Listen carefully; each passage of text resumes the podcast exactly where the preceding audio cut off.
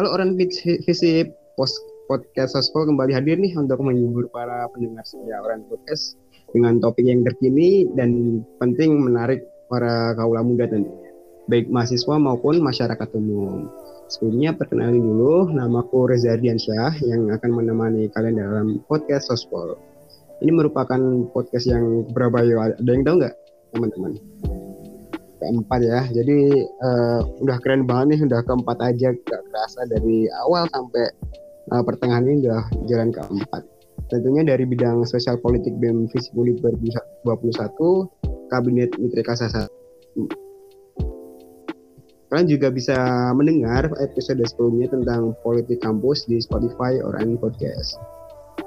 Oke, hari ini kita akan ngobrolin topik yang sangat menarik tentunya teman-teman buat mahasiswa fisip yaitu bertemakan pejabat yang untung, rakyat yang digantung. Waduh, waduh.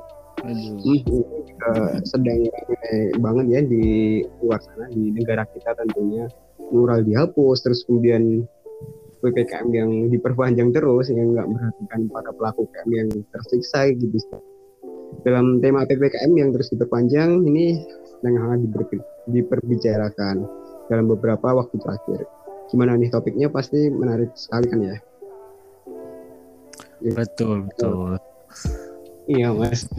Kemudian uh, podcast Sospol ini kita kedatangan dua narasumber yang sangat keren dan luar biasa.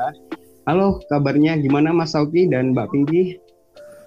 Sehat, Reza. Alhamdulillah sehat, Reza.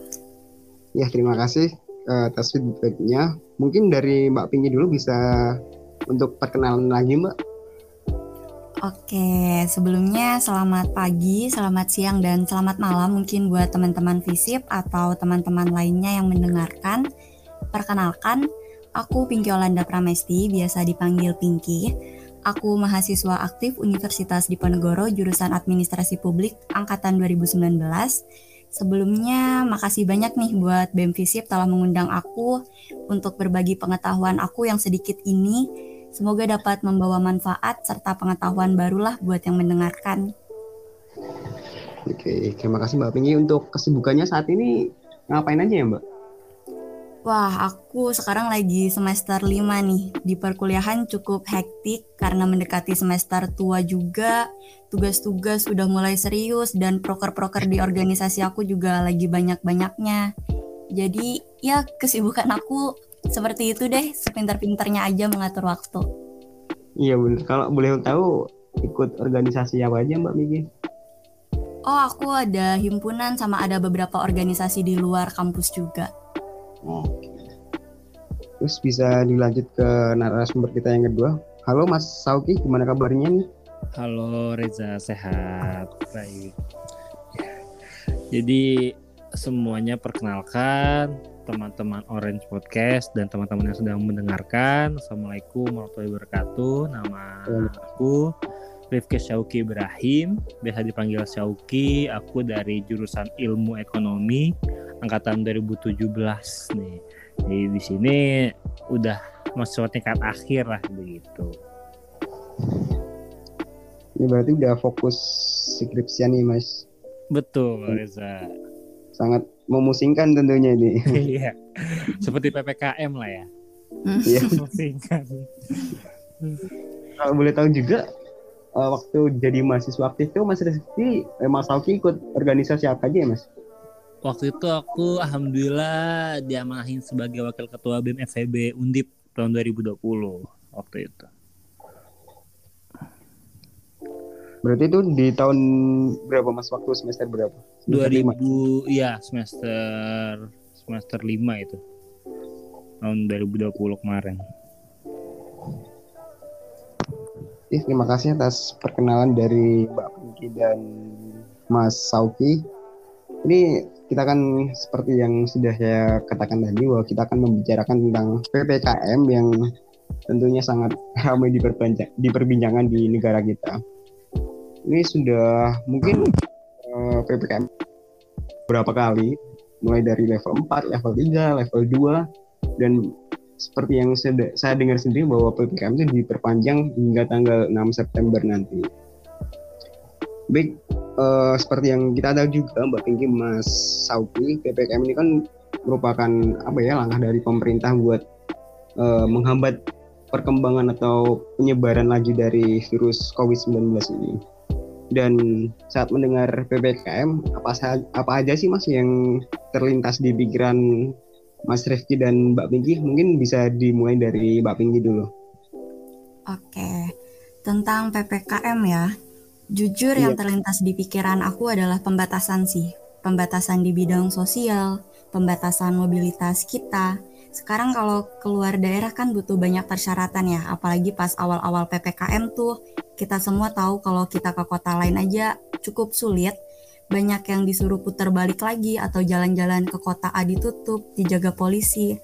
Jadi dari PPKM ini aku langsung terlintas, oh pembatasan seperti itu. Iya. Apakah Mbak Pinky dulu juga pernah mengalami seperti itu? Maksudnya waktu mau ke daerah lain nih, nanti dihambat, ditanyain surat vaksin lah, terus ini apalah atau apalah gitu Mbak? Oh kalau aku sih enggak, tapi itu bapak aku sih. Soalnya kan aku kebetulan nih domisilinya di Tangerang, sementara bapak aku kerjanya di Jakarta. Jadi waktu bapak aku berangkat kerja sama pulang kerja itu cukup sulit sih, banyak persyaratan dan segala macam berarti itu sangat mengganggu ya mbak dari uh, yang kita sendiri itu waktu di mengalami itu. Dibilang mengganggu sih iya. Cuman itu kan udah prosedur ya. Jadi ya udah deh kita turuti aja. Iya. Yeah. terus kemudian untuk dari Mas Sauki sendiri gimana Mas? Jika mendengar istilah PPKM ini yang semakin diperpanjang dari pemerintah itu? Simpelnya ppkm itu adalah peraturan sih aku nggak tahu peraturan yang dikhususkan gitu kan.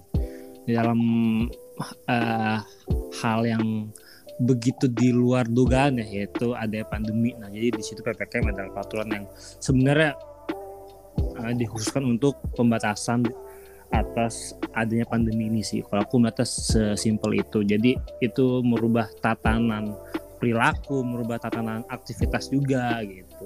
Dan kita mungkin dari dulu berlaku new normal atau semacam itu sebuah istilah yang pada intinya adalah ya benar ya yang katanya Pinky adalah pembatasan gitu. Itu sih. Untuk dari Mas Hauki sendiri apakah pernah mengalami pembatasan maksudnya waktu mau ke daerah juga nih nanti ditanyain itulah atau apa gitu mas? Wah sangat sangat sangat sangat ini ya sangat mengalami. Aku bolak-balik ke Semarang, aku ke Bali, aku ke Jogja karena emang ada urusan selain perkuliahan atau skripsi, ngurus dokumen.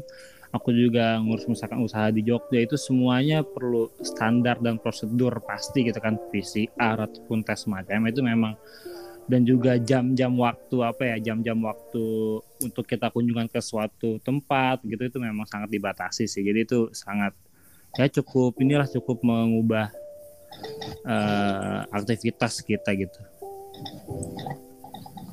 Iya. Terus kemudian uh, pertanyaan yang kedua buat Mbak Pinky. Saat ini kan BPKM juga mengalami uh, perpanjangan terus ya Mbak. Terus mulai dari kebijakannya pun juga kadang dari pemerintah itu dengan uh, pernyataan yang kontroversial itu seperti Pak Luhut dulu yang bilang kalau ini terkendali aman tenang aja masyarakat tapi nyatanya varian Delta itu sangat sulit dikendalikan. Terus beberapa waktu kemudian juga dari Bapak Luhut sendiri mengakui kalau varian Delta itu sulit dikendalikan. Jadi masyarakat harus uh, sabar, harus menjaga prokes dengan ketat lah, terus kemudian harus uh, eh, ppkm ini itulah seperti itu. Dan pertanyaannya uh, perihal ppkm nih, Mbak, tentunya kebijakannya harus lebih disempurnakan lagi daripada kemarin-kemarin yang penuh dengan apa ya bisa dibilang penuh dengan persoalan. Nah, bagaimana cara mewujudkan nyata atau wujud nyatanya biar perubahan ini kepada masyarakat itu benar-benar terasa gitu? Hmm, oke okay. Cara mewujud nyatakan suatu perubahan ya. Sebelumnya yeah. kan perlu kita ketahui nih bahwa masa pandemi ini kan merupakan suatu perubahan yang sangat signifikan nih di dalam sektor-sektor di Indonesia, baik itu sektor sosial, ekonomi, pendidikan, ataupun sektor-sektor lainnya mengalami suatu perubahan berkat masa pandemi ini. Tahap perubahan itu kan nggak terlepas nih dari adanya resistensi atau penolakan. itu terjadi di awal-awal pandemi banget nih kayak dulu waktu pemerintah mengeluarkan kebijakan PSBB masih banyak nih masyarakat yang melanggar masih banyak juga masyarakat yang menganggap COVID itu cuma bualan semata atau apalah itu itu kan merupakan tahap resistensi dalam suatu manajemen perubahan cuma untuk masa pandemi saat ini yang sudah berlangsung kurang lebih satu tahun dari awal tahun 2020 sampai pertengahan 2021 harusnya masa resistensi itu kan udah terlewat ya. Sekarang adalah masa di mana semua pihak harus bekerja sama untuk membangun perubahan ini agar menjadi hal yang lebih baik lagi serta mendatangkan kebermanfaatan. Balik lagi ke awal, bagaimana cara agar kebijakan PPKM ini sempurna sehingga dapat mewujud nyatakan perubahan kepada masyarakat Tentunya dalam hal ini pihak yang ikut andil nggak cuma pemerintahan aja nih sebagai pembuat kebijakan, tetapi juga masyarakat, pihak swasta, ataupun pihak keamanan dan pihak-pihak lainnya di sini memiliki andil yang besar dalam menyempurnakan kebijakan ini. Masyarakat perlu membantu pelaksanaan kebijakan tersebut seperti menuruti apa yang diarahkan pemerintah, kalau keluar pakai masker, jangan lupa cuci tangan atau hindari kerumunan, Pihak swasta juga perlu membantu pelaksanaan kebijakan ini, seperti pembatasan karyawan yang bekerja secara offline atau pemberlakuan pembatasan pengunjung untuk pihak swasta yang berkutat dalam bidang makanan seperti kafe, restoran, burjo, itu perlu banget. Untuk pihak keamanan seperti yang lainnya, mereka juga punya andil besar dalam penerapan kebijakan ini nih. Kayak misalkan polisi atau Satpol PP itu perlu ditempatkan di beberapa tempat yang sekiranya dapat menimbulkan kerumunan. Dengan adanya kerjasama antar semua stakeholder ini, menurut aku pribadi kita dapat mewujud nyatakan perubahan ini kepada masyarakat secara maksimal. Seperti itu Reza. Iya Mbak, waktu Mbak Tinggi uh, menyebut Satpol PP ini, aku juga hmm. aku jadi ingat waktu dulu ada pemberitaan ini Mbak. Kan waktu hmm. rame-rame kan ya uh, Satpol PP itu apa ya bisa dibilang memaksa para PKL itu buat bubar gitu istilahnya. Mm. Hanya diangkat lah gitu lah. Terus ada uh, foto juga atau video menunjukkan bahwa beberapa satpol pp itu malah ber, bertemu gitu mbak tanpa masker terus ya makan bersama gitu. Dan itu kan malah jadi image mereka tuh uh, buruk di masyarakat. Dan masyarakat pun menganggap bahwa eh oh itu satpol pp kok lu malah eh, nggak uh, yang baik? Itu tanggapan dari mbak Megi gimana? Tentang kelalaian dari para satgas atau petugas yang seharusnya memberikan contoh yang baik tapi nyatanya malah uh, memberikan contoh yang buruk seperti itu mbak. Mm -hmm. Uh, seperti yang telah aku jelaskan tadi, Satpol PP kan adalah pihak keamanan ya. Jadi dia nggak cuma untuk pihak keamanan bagi masyarakat, tetapi juga pihak keamanan bagi Eh, orang-orang uh, lain seperti PKL atau dan yang lainnya tentang pemberitaan yang Satpol PP tiba-tiba mem, tiba-tiba membubarkan pedagang dengan paksa atau yang lainnya itu menurut aku perlu banget untuk diperbaiki SOP SOP dari mereka kayak gimana sih cara dari mereka untuk membubarkan massa atau kerumunan? Itu perlu banget diperbaiki. Dengan cara yang baik dan dengan cara yang melindungi masyarakat-masyarakat lainnya. Tidak mengganggu aktivitas masyarakat. Seperti yang kita tahu Satpol PP di pemberitaan kan kayak beringas gitu ya membubarkan PKL yeah. dengan secara paksa dan lainnya. Itu perlu banget untuk diperbaiki lagi. Jadi nggak cuma membubarkan kerumunan mereka juga harus mengutamakan perlindungan dan keamanan kepada masyarakat. Masyarakat di sini kan seluruhnya ya walau uh, entah itu warga sekitar ataupun PKL-PKL itu sendiri kan juga termasuk masyarakat. Jadi menurut aku pribadi yang tentang cara Satpol PP dalam membubarkan kerumunan itu perlu banget untuk uh, lebih dipikirkan lagi kira-kira bagaimana cara yang pas dan SOP yang tepat seperti itu. Berarti itu uh, apakah perlu dari atasan nih mbak memberikan teguran langsung atau briefing yang mendalam uh, kepada mereka mengenai hal ini atau perlu dituliskan uh, suatu aturan yang rigid mengenai hal ini mbak? Ya, menurut aku perlu banget nih di sini peran dari atasan. Atasan mendengarkan keluhan-keluhan masyarakat dan menegur bawahannya. Itu perlu banget. Karena kalau misalkan dari masyarakat yang menegur Satpol PP, itu kan kita tidak tahu ya apakah itu efektif atau tidak. Yang efek yang kita tahu efektivitas cara menegurkan Satpol PP yaitu dari atasannya, menegurkan langsung atau membriefing Satpol PP sebelum melakukan kegiatannya itu dari atasannya. Jadi menurut aku peran dan serta atasan itu sangat penting. Hmm, oke okay. Okay.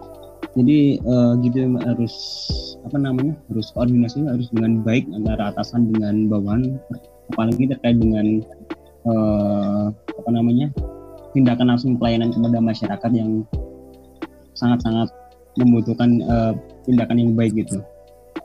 Iya itu perlu banget ya jika menyinggung tadi Mbak Vicky juga uh, mengatakan bahwa kebijakan itu harus sesuai gitu. Nah, jika berkaca pada setahun terakhir dari awal mula pandemi hingga uh, sekarang, udah setahun lebih ini tentunya. Saat Indonesia mengalami tentunya Indonesia juga mengalami kemerosotan ekonomi ya Mbak. Dari dari kemerosotan ekonomi mulai dari pertumbuhan ekonomi yang negatif terus kemudian uh, indeks apa dulu kemarin juga mengalami penurunan dan lain-lain. Yang menyebabkan resesi ekonomi. Sebenarnya menurut uh, Mas Rif, Mas Fauki nih apa aja sih Mas yang melatar belakangi dari kemunduran ekonomi ini Mas? Oke baik. Uh, sebenarnya kita membicarakan terkait latar belakang resesi itu sendiri ya. Mungkin memang itu udah terjadi tuh di, di tahun 2020 sampai 2021 ini ya kan? Itu memang resesi itu diukur ntar kan pertumbuhan ekonomi itu diukur secara kuartal gitu kan. Nah cuman di situ kan ketika berbicara aspek-aspek yang melatar belakangi resesi ekonomi kan banyak gitu ya dan di sini ekonomi itu memang sangat luas namun di sini saya ingin menyampaikan gitu singkatnya secara makro gitu di dalam ekonomi itu kita akan bicara terkait GDP atau pendapatan nasional gitu. Jadi di dalam GDP ini sendiri ada aspek konsumsi, investasi, belanja pemerintah dan ekspor impor. Nah, di situ aspek-aspek yang mendorong GDP yang akan menjadi acuan di dalam pertumbuhan ekonomi yang nanti itu akan melihat apakah kita pertumbuhan ekonomi positif atau negatif semacamnya. Nah, di Indonesia ini itu memang bergantung, sangat bergantung kalau bisa saya bilang, sangat bergantung oleh pendapatan dari sisi atau sektor konsumsi domestik atau rumah tangga gitu. Jadi duit tuh berputar terus tuh di dalam konsumsi dos konsumsi domestik. Kayak misalkan contohnya kita beli makanan di pedagang A, terus pedagang A beli bahan makanan di pasar, kemudian kita nongkrong di cafe shop atau makan di restoran itu konsumsi terus berputar berputar terus ya. Jadi pendapatan negara tuh paling banyak itu ditopang oleh konsumsi sektor konsumsi itu sendiri gitu loh.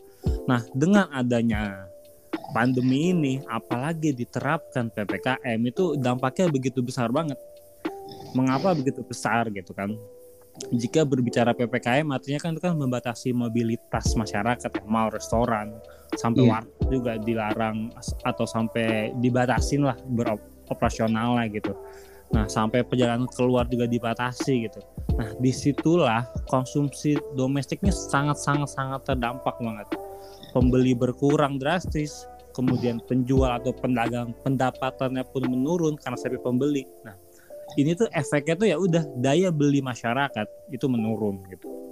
Jadi di situ konsumsi domestik menurun, kemudian juga yang terbaru Ibu Sri Mulyani itu yang raker sama DPR terbaru itu juga dia secara belak-belakan ngomong ini yang udah sangat parah gitu kayak misalkan sektor retail rekreasi itu turun 13% indeks belanja itu turun juga tuh nah karena itu dengan kondisi tersebut konsumsi turun itu ya udah efeknya apa? Yaitu akan menciptakan sumbangan pendapatan atau GDP yang menurun juga yang itu menjadi sebuah aspek atau acuan di dalam mendorong pertumbuhan ekonomi gitu kan. Ketika eh, pendapatan menurun pertumbuhan ekonomi menurun itu yang menyebabkan resesi ekonomi terjadi. Secara simpel seperti itu Zah. Gitu sih. Iya uh, seperti yang dikatakan Mas Sauki tadi bahwa jadi itu harus tetap berjalan ya Mas. Jadi kita bisa membeli barang di pasar terus mereka berdagang uh, apa namanya juga membeli dari pengepul dan lain-lain gitu. Betul. Betul itu aktivitas ekonomi itu harus putar terus putar terus. Jadi semakin cepat itu semakin bagus semakin duit berputar secara cepat semakin bagus untuk uh, pendapatan negara lah seperti itu. Enggak. ya namun sekarang juga aku menemui banyak orang orang-orang juga nih mas. Jadi masyarakat terutama di sekitar uh, lingkunganmu juga itu orang-orang tuh pada istilahnya gitu mas. Jadi hmm. dengan seperti ini mereka menghemat uang untuk kebutuhan yang apa namanya ke depannya ya udah uh, mungkin udah nggak punya pekerjaan terus hmm. dengan uang yang sedikit itu mereka hemat terus mas dan itu apa ngaruh juga mas dengan uh, konsumsi itu mas. Soalnya kan juga dengan mereka menghemat tuh nggak ada transaksi gitu mas. Betul di, nah itu. Jadi daya beli masyarakat tuh turun. Jadi dia nggak mengkonsumsi jadi lebih banyak saving atau menabung gitu. Sedangkan yeah. dalam perekonomian kita tuh berpacu kita tuh banyak yang pedagang banyak yang atau uh, jadi penjual kaki lima. Nah itu mereka salah satunya masukan itu masukan tuh ya udah dari jualan gitu nah sedangkan kita daya daya beli yang menurun orang-orang bingung kayak misalkan aduh kayaknya nggak usah deh kayak kayak sampai yang tadinya satu orang nih sehari makan tiga kali yang mungkin beli jajan mulu nah itu bisa mikir lagi ah mending hemat ini itu ini itu nah jadinya misalnya yeah. pedagang A jadi sepi gitu kan ya saya kayak yeah. gitu itu itu yang efeknya ya udah jadi duit tuh ya udah uh, semakin berputar di negeri kita tuh semakin ter, terhambat lah gitu lah itu transaksi menurut gitu. Ya, berarti untuk uh, apakah ada mas kebijakan yang tentunya bisa uh, mengatasi hal ini dari Mas Rifki sendiri gimana mas? Menurut Mas Rifki, Mas Rifki apakah hmm. ada kebijakan yang tepat buat mengatasi hal ini? Oke, sebenarnya kita fokusnya itu ya yang aku bilang tadi konsumsi konsumsi gitu karena memang kita sudah kebergantungan gitu dari sisi konsumsi. Satu sol solusinya adalah itu gimana caranya yang memang surplus dana itu mau hmm. nggak mau memang dia mensubsidi ya bahasa kasar mensubsidi masyarakat kalangan bawah dengan dia membeli uh, barang ataupun sampai ada yang misalkan seorang artis atau youtuber itu bagi-bagi duit. Nah itu memang konsepnya tuh rakyat bantu rakyat sebenarnya gitu. Pemerintah bantu rakyat pun duit pemerintah dari mana? Ya dari rakyat juga pajak dan semacamnya. Jadi maksudnya solusi terbaik kebijakan terbaik adalah gimana yang namanya surplus dana itu dialihkan ke dalam uh, orang yang kekurangan dana. Sesimpel itu. Jadi gimana cara nih? Pemerintah makanya ngadain insentif bansos itu kan memang duit yang didapatkan dari pajak gitu. Pajak kan misalkan orang kaya punya perusahaan orang kaya punya barang mewah orang kaya punya mobil dia kan bayar pajak. Nah gimana cara itu lebih didistribusiin lagi ke kalangan-kalangan bawah gitu. Jadi sekarang solusi yang terbaik adalah gimana caranya masyarakat kalangan bawah ini dapat duit gitu. Dari misalkan baik itu bahkan pemerintah ataupun dari misalkan dia jualan memang itu seenggaknya harus dibeli sama kalangan atas. Ya karena yang kita harapin ya kalangan atas orang-orang kaya gitu. Sejujurnya itu. Itu sih. Jadi solusinya adalah kebijakan adalah yaitu dengan fokus di insentif dan itu sebenarnya udah sangat benar gitu kan. Cuman nyatanya masih ada aja yang dikorupsi dan semacamnya itu. Jadi yang nggak efektif lagi yang harusnya pedagang itu dapat modal iya benar usahanya. Nah itu udah itu nggak nggak efektif. Jadinya rakyat untuk rakyat jadinya ya udah di malah dihamba sama pemerintah gitu. Iya. Ini kan juga ramai dengan uh, korupsi bansos itu senilai iya. berapa miliar itu. Dan seharusnya itu kan buat uh, apa namanya buat para pelaku UKM itu betul. miskin yang sangat terdampak pada itu. Terus kemudian menyinggung uh, pelaku UKM nih, itu kan memerlukan uh, bantuan sosial tadi yang sudah disebutkan dari Mas Rifki untuk mungkin mengembangkan lebih usahanya ataupun apa. Dan juga melanjutkan dari pertanyaan pertanyaanku ke Mbak Pinggi yang tadi Mbak tentang uh, apa namanya dari Satpol PP nih yang dari petugas yang uh, melakukan represivitas terhadap mereka. Udah nggak dapat intensif dari pemerintah yang dikorupsi terus kemudian waktu mereka berdagang di jalanan juga digusur dan lain itu kan merupakan kebijakan ya mbak dari pemerintah dari atasan juga tentunya untuk melakukan apa namanya bisa dibilang penggusuran gitu kepada pelaku UKM itu. Nah, dari Mbak Pinky sendiri apakah sudah efektif Mbak untuk uh, menghalangi atau menyetop penyebaran virus corona ini dengan melakukan pembubaran di pedagang-pedagang itu, Mbak? Kalau untuk menyetop peredaran virus COVID-19 dengan melakukan pembubaran kerumunan itu menurut aku F. Cuman uh, yeah. itu kan dari segi kesehatan ya. Tapi kalau yeah. kita dari segi kalau kita lihat dari segi ekonomi itu bakal berdampak juga dari mata pencaharian yang terhambat dan segala macam. Jadi ya di tengah-tengah dari segi kesehatan efektif, dari segi ekonomi kurang efektif. Ya seperti yang juga aku pelajarin di mata kuliah administrasi publik nih mbak. Tentunya kan kebijakan nggak uh, harus memuaskan semua pihak, tentu aja di pihak yang dirugikan hmm. juga. Nah antara kesehatan dan ekonomi ini apakah harus sinkron atau harus ada yang lebih besar uh, timbangannya sedikit mbak? Oh iya, tentang kebijakan tidak bisa memuaskan semua belah pihak ya dan antara kesehatan dan ekonomi mana nih yang harus diprioritaskan. Menurut yeah. aku antara kesehatan dan ekonomi yang perlu diprioritaskan oleh pemerintah itu pastinya kesehatan tentu saja. Karena kesehatan juga akan mempengaruhi ekonomi pelaku ekonomi dalam mencari penghasilan, kesehatan juga akan mempengaruhi kegiatan sosial dan pendidikan yang lainnya. Kalau kita hidup tanpa kesehatan kan uh, aktivitas kita di dalam kehidupan akan terhambat. Jadi sebagai pemerintah dalam mengeluarkan kebijakan antara ekonomi dan kesehatan mana yang perlu diprioritasin menurut aku kesehatan. Iya, Mbak. Berarti kesehatan lebih uh, penting daripada ekonomi, tapi juga nggak meninggalkan juga dari sisi perekonomiannya gitu ya, Mbak? Mm-mm, pasti. Walaupun kesehatan ini lebih penting daripada ekonomi, tapi sektor ekonomi juga perlu dipertimbangin dari kebijakan terkait kesehatan ini. Jadi nggak cuman kesehatan doang nih yang jalan, tapi ekonominya menurun. Itu kan nggak banget kan, artinya kebijakan pemerintah gagal. Jadi menurut aku, selain pemerintah mengutamakan kebijakan kesehatan, pemerintah juga perlu untuk mempertimbangkan apakah dari kebijakan ini kesehatan menurun, kesehatan meningkat, tapi ekonominya akan bagaimana seperti itu. Iya. Terus kemudian untuk uh, melanjutkan yang pertanyaan ini untuk menurut Mbak Ping kan kebijakan dengan uh, apa namanya menggusur pelaku UKM tadi efektif. Nah, banyak banyak masyarakat tuh yang istilahnya kontra mbak dengan pendapat itu, dengan kebijakan tersebut. Nah, dengan uh, menurut Mbak Pinky tadi efektif, apakah perlu pemerintah melanjutkan hal itu mbak untuk dilakukan pembubaran dari pedagang tersebut? Uh, untuk penggusuran dan segala macam efektifnya di bidang kesehatan karena itu juga untuk membantu mencegah kerumunan dan segala macam. Cuman permasalahan yang paling utama yang dihadapi oleh masyarakat adalah dari segi ekonominya.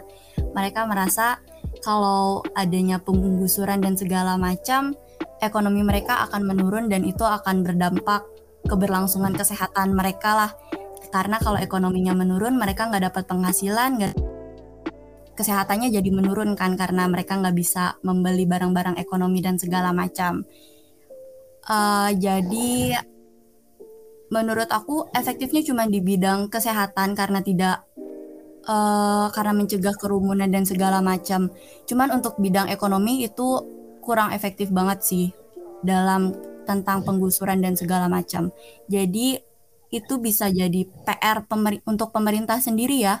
Bagaimana caranya agar kebijakan ini tuh menguntungkan masyarakat banyak atau masyarakat golongan menengah ke bawah serta tidak apa ya serta tidak meninggalkan kesehatan mereka gitu.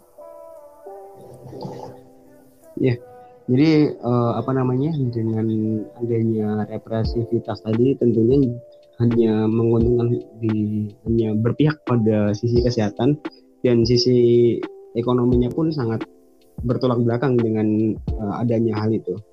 Kemudian aku ingin uh, tanya gimana pendapat dari Mas Sauki sendiri mengenai dampak ppkm itu salah satunya dengan uh, ekonomi yang hancur akibat salah satunya dari satpol pp tadi terus kemudian dan lain-lain juga nah dalam perspektif perspektif ekonomi ini gimana mas menurut dari pendapat mas Alki? Oke, tapi aku tadi oke okay, terima kasih Reza. Aku tadi mau ini ya mau nih yeah. uh, nanggepin sebentar yang kesehatan sama ekonomi itu udah secara jelas kesehatan dulu yang lebih diprioritaskan itu aku juga sering ikut uh, seminar ataupun diskusi sama Pak Faisal Basri tau gak itu emang beliau itu yang sebegitu kekehnya bahwasanya kesehatan itu harus dianggarin APBN dengan matang gitu. Alihin anggaran-anggaran yang memang tidak diperlukan atau tidak mendesak itu ke kesehatan full gitu loh. Tapi sedangkan yang kita lihat itu setengah-setengah. Misalkan contohnya iya, harusnya tuh yang saya lihat nih ya oksigen, alkes, obat-obat itu harusnya dari awal tuh ada perencanaan yang matang gitu loh. Tapi sekarang kita lihat coba masih fokusnya kayak satu sama lain itu masih kurang satu visi lah gitu loh di sebuah instansi kementerian gitu gitunya kan. Itu jadi uh, jadi seakan-akan uh, ada misalkan yang ko komite apa sih namanya pen pemulihan ekonomi nasional habis itu aja kalau ada yang khusus kesehatan juga. Jadi di sini nih tumpang tindih juga gitu loh gitu. Ada Pak Erlangga Hartanto Pak Luhut Bin Sarpanjaitan kita komandonya nih yang secara jelas tuh ke mana gitu. Nah itu yang masih kita yang masih aku kecewakan lah gitu ya. Terus habis itu berbicara terkait dampak gitu. Sebenarnya dalam uh, konsep ekonomi itu ada yang namanya itu trick trickle down effect gitu. Itu apa sih kan? Yeah. jadi trickle down effect ini adalah investasi atau bisnis dari kalangan atas itu akan menetes atau merangsang pendapatan di kalangan masyarakat bawah dengan adanya lapangan kerja dan sebagainya gitu. Oke, bisa kasih contoh gini uh, kita bisa lihat sektor rekreasi di sebuah tempat wisata. Nah itu kan ada hotel, ada restoran. Itu kan yang membuat kan kalangan atas pengusaha-pengusaha. Iya nah. Habis itu di dalam konsep trickle down effect ini, nah itu menyebutkan dengan adanya kalangan atas itu dia akan menetes atau merangsang pendapatan ke kalangan bawah yaitu sebagai misalkan karyawan hotel ya ataupun misalkan dengan apa namanya dengan uh, pegawai restoran ya itu akan membuka lapangan kerja akan masyarakat pendapatan. Jadi kalangan atas itu dapat duit dari pendapatan usahanya kalangan bawah dari pendapatan uh, pekerjaan gitu kan. Nah tetapi dampak selama ppkm ini itu benar-benar terasa. Dan konsep ini seperti tidak terrealisasi secara sempurna gitu. Jadi di situ kita lihat dengan adanya ppkm banyak yang hotel atau restoran gulung tikar ya kan. Sampai itu tuh intinya meningkatkan pengangguran karena pembelinya nggak ada gitu kan jadi ya udah hotel sepi restoran sepi. Jadi ya mereka tutup pelan-pelan tutup habis gulung tikar nah itu kan jadinya uh, pengusahanya nggak dapat pendapatan bangkrut. Nah itu menciptakan angka pengangguran yang semakin meningkat gitu kan. Nah itu jadi dampaknya itu situ tuh. Pola pikir adalah konsep uh, konsep itu bukan hanya ke uh, apa namanya ke pedagang tapi itu emang benar-benar domino banget. Jadi benar merangsang ke bawah banget gitu loh itu semuanya kena gitu. Jadi dampak ppkm ini benar untuk masyarakat semua kalangan sampai pejuang rupiah lah istilah gitu. Nah itu terkena dampaknya gitu. Jadi di sini pada intinya sih e, memang negeri ini tuh memang fokusnya ya terus mikirin gimana pelaku usaha tenaga kerja gitu kan. Terutama di sektor informal yang di jalanan itu itu lebih di pikirin secepatnya biar mereka tuh beraktivitas normal lagi dengan apa ya. Udah fokus ke kesehatan. Sebenarnya itu. Kenapa dulu tuh fokusnya tuh kenapa nggak uh, buat sebuah cadangan oksigen atau pencadangan obat atau apa? Memang itu seenggaknya ya udah mateng gitu loh. Itu yang aku kecewa.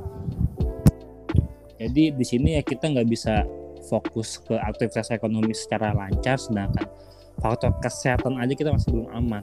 Gitu sih Mas Reza. Iya Mas uh, menurut aku pribadi juga apa namanya juga membaca dari beberapa literasi juga. Dari dosen juga sudah menjelaskan bahwa pemerintah itu sudah menganggar, menganggarkan sangat banyak nih mas buat uh, kesehatan dari masyarakat. Dari penanganan covid kemudian intensif dan lain-lain. Nah dengan anggaran yang segitu banyaknya entah puluhan triliun atau ratusan triliun itu fakta sebanding dengan uh, dari awal pandemi kita lockdown entah satu bulan atau dua bulan dengan biaya segitu apakah sama mas dengan efeknya nanti? Oke, okay, uh, oke okay, seru nih. Oke, okay, se secara singkat begini aja ya. Saya bahas fokus pemerintahnya aja itu kan anggaran ya.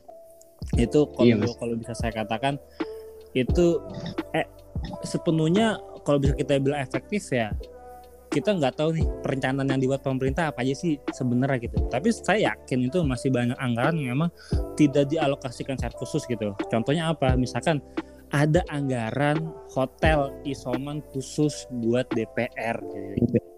gitu. Habis itu apalagi multivitamin DPR buat anggota DPR. Iya. Yeah. Emang tunjangan mereka kurang gitu maksudnya. Atau ya di mereka kurang sampai dialih ke sana gitu habis itu ya banyak lagi lah misalkan kayak anggaran-anggaran lain gitu. Sebenarnya bisa dikatakan efektif atau enggak itu kalau saya bisa dikatakan kurang cepat gitu kurang efisien sih. Saya bilang gitu. Jadi harusnya 2020 ini harusnya udah siap dengan mikirin cadangan oksigen gitu. Bukan sepenuhnya diimpor eh diekspor ke India buat bantu oksigen India padahal di iya, dalam yeah. negeri kita masih butuh banyak kayak gitu. Jadi maksudnya perencanaan ini kurang matang gitu loh terus habis itu ada uh, proyek if, if, apa sih Iverme apa tuh yang obat?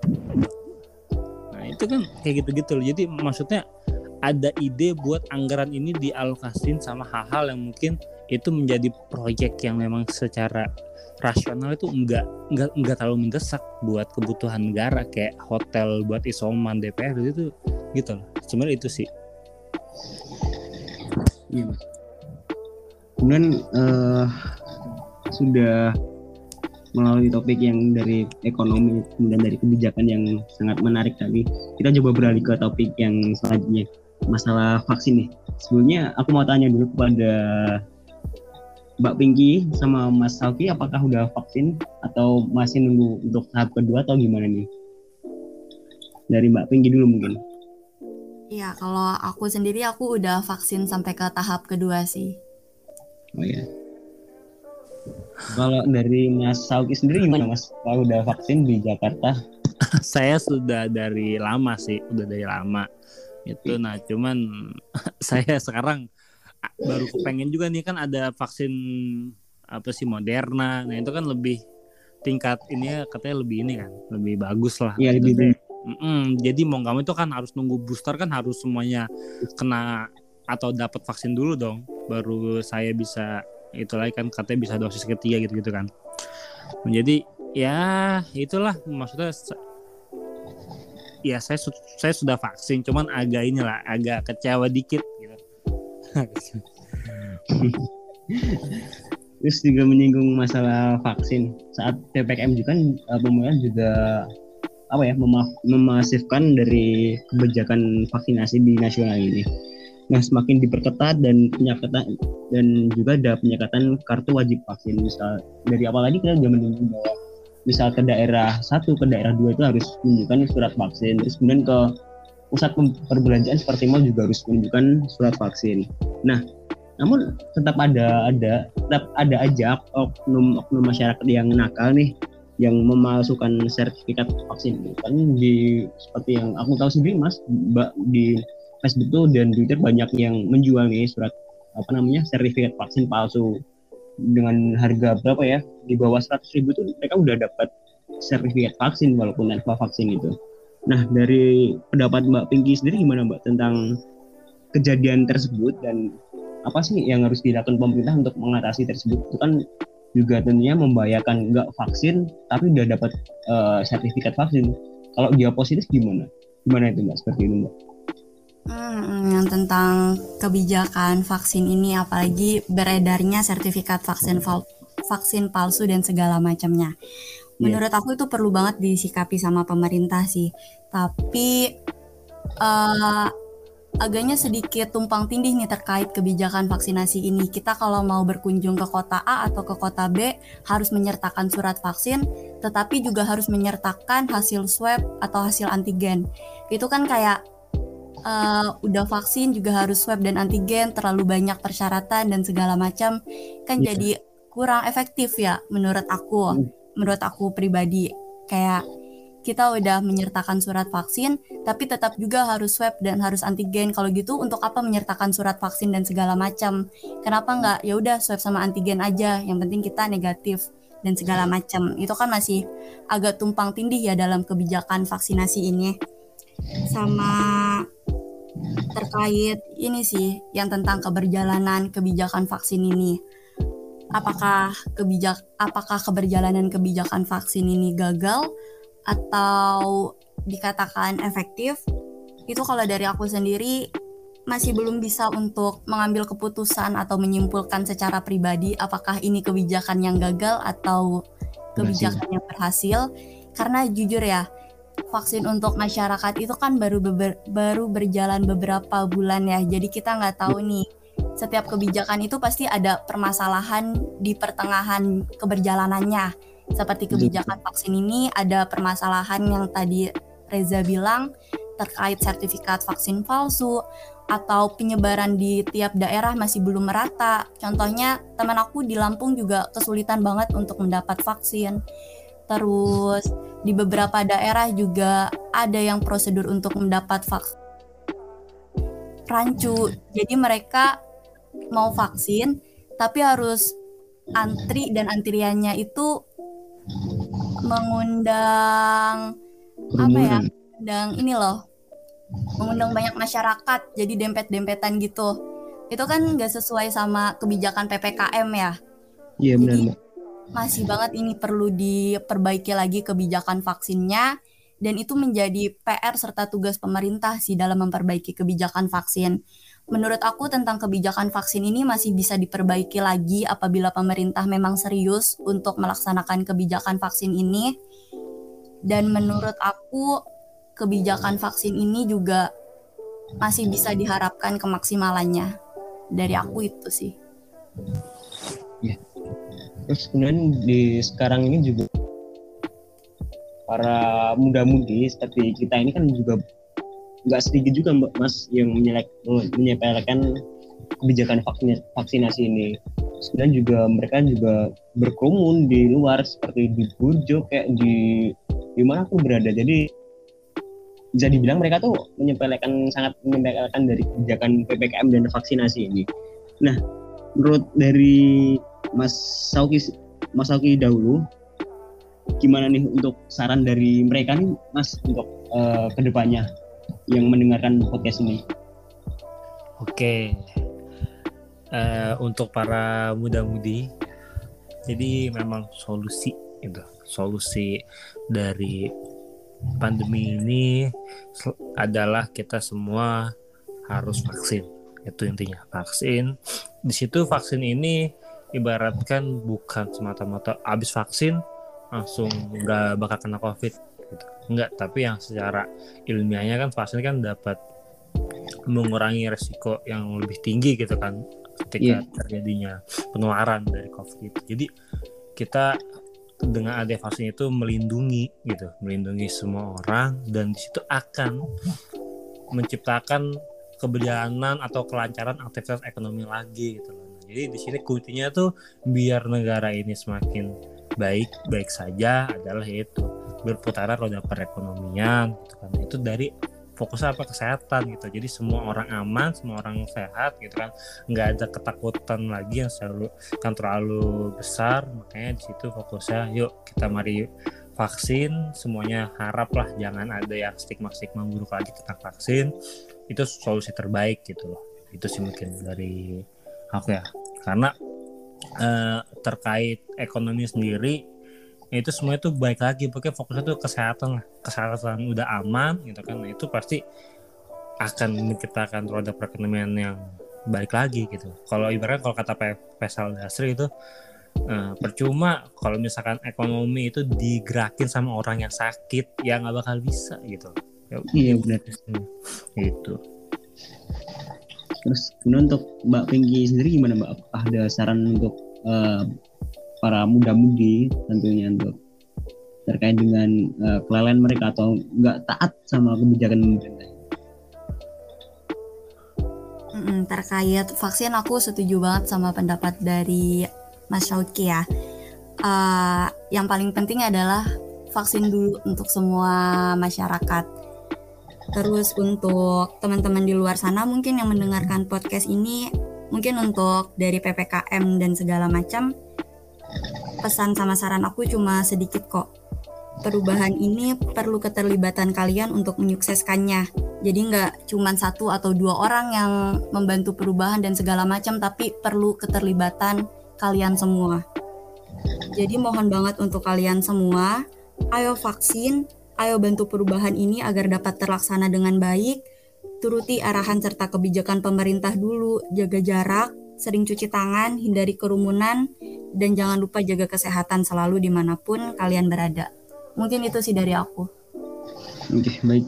Ini aku uh, apa menggaris bawahi dari pernyataan dari Mbak Tinggi bahwa perubahan perlu keterlibatan dari kita semua.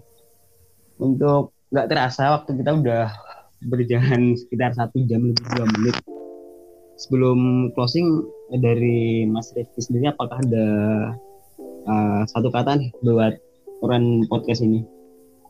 Oke, baik. Pesan mungkin gitu Mas. Ya. Terima kasih buat teman-teman Orange Podcast yang sudah mengundang aku.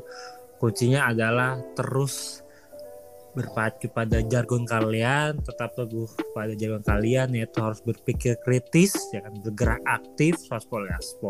Jangan takut dalam mengkritik gitu loh.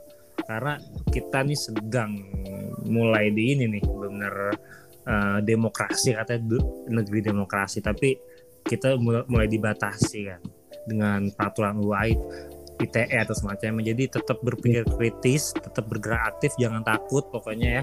Tetap pada koridor yang benar lah gitu. Untuk membela rakyat kecil gitu sih mungkin. Ya dari Mbak Penggi sendiri Mbak. Kesan-kesan buat orang podcast ini. Ya mungkin dari aku terima kasih banyak buat Orange Podcast telah mengundang aku pada podcast kali ini. Mungkin apa ya dari aku Uh, semoga dari podcast ini dapat mendatangkan kebermanfaatan tadi yang udah dijelaskan Mas Sauki dari segi ekonomi, resesi dan segala macam. Dan juga tadi ada diskusi tentang kebijakan pemerintah. Dan untuk yang mendengarkan podcast ini uh, semoga kalian menghindari dari sikap apatis mahasiswa lah menjadi apatis memang pilihan mahasiswa tapi menghindari sikap apatis dari mahasiswa adalah pilihan yang menurut aku patut untuk dicoba. Jadi setiap kebijakan dari pemerintah ini coba kalian amati, kalian kritisi dan segala macam. Jangan apatis lah, jangan masa bodoh dengan kebijakan ini karena masa depan bangsa adalah di tangan anak-anak muda ini.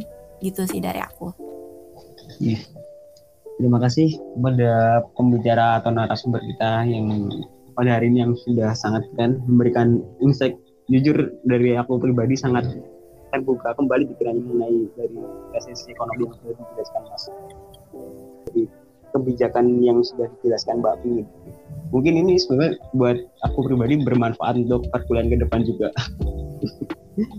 Oke, sebelum uh, closing atau sebelum penutupan ini mungkin kita bisa jargon dulu kayak kali ya Mbak Mas. Oke. Boleh Yuk. boleh. Ya. Yeah. Uh, untuk nanti bisa dijawab berpikir kritis, bergerak aktif, sospol, gaspol. Oke, aku mulai. Sospol BEM Visit Undip 2021 berpikir kritis, bergerak, bergerak aktif, aktif. Sospol, sospol gaspol. Oke, terima kasih sekali lagi saya ucapkan kepada Mbak Pinky dan Mas Sauki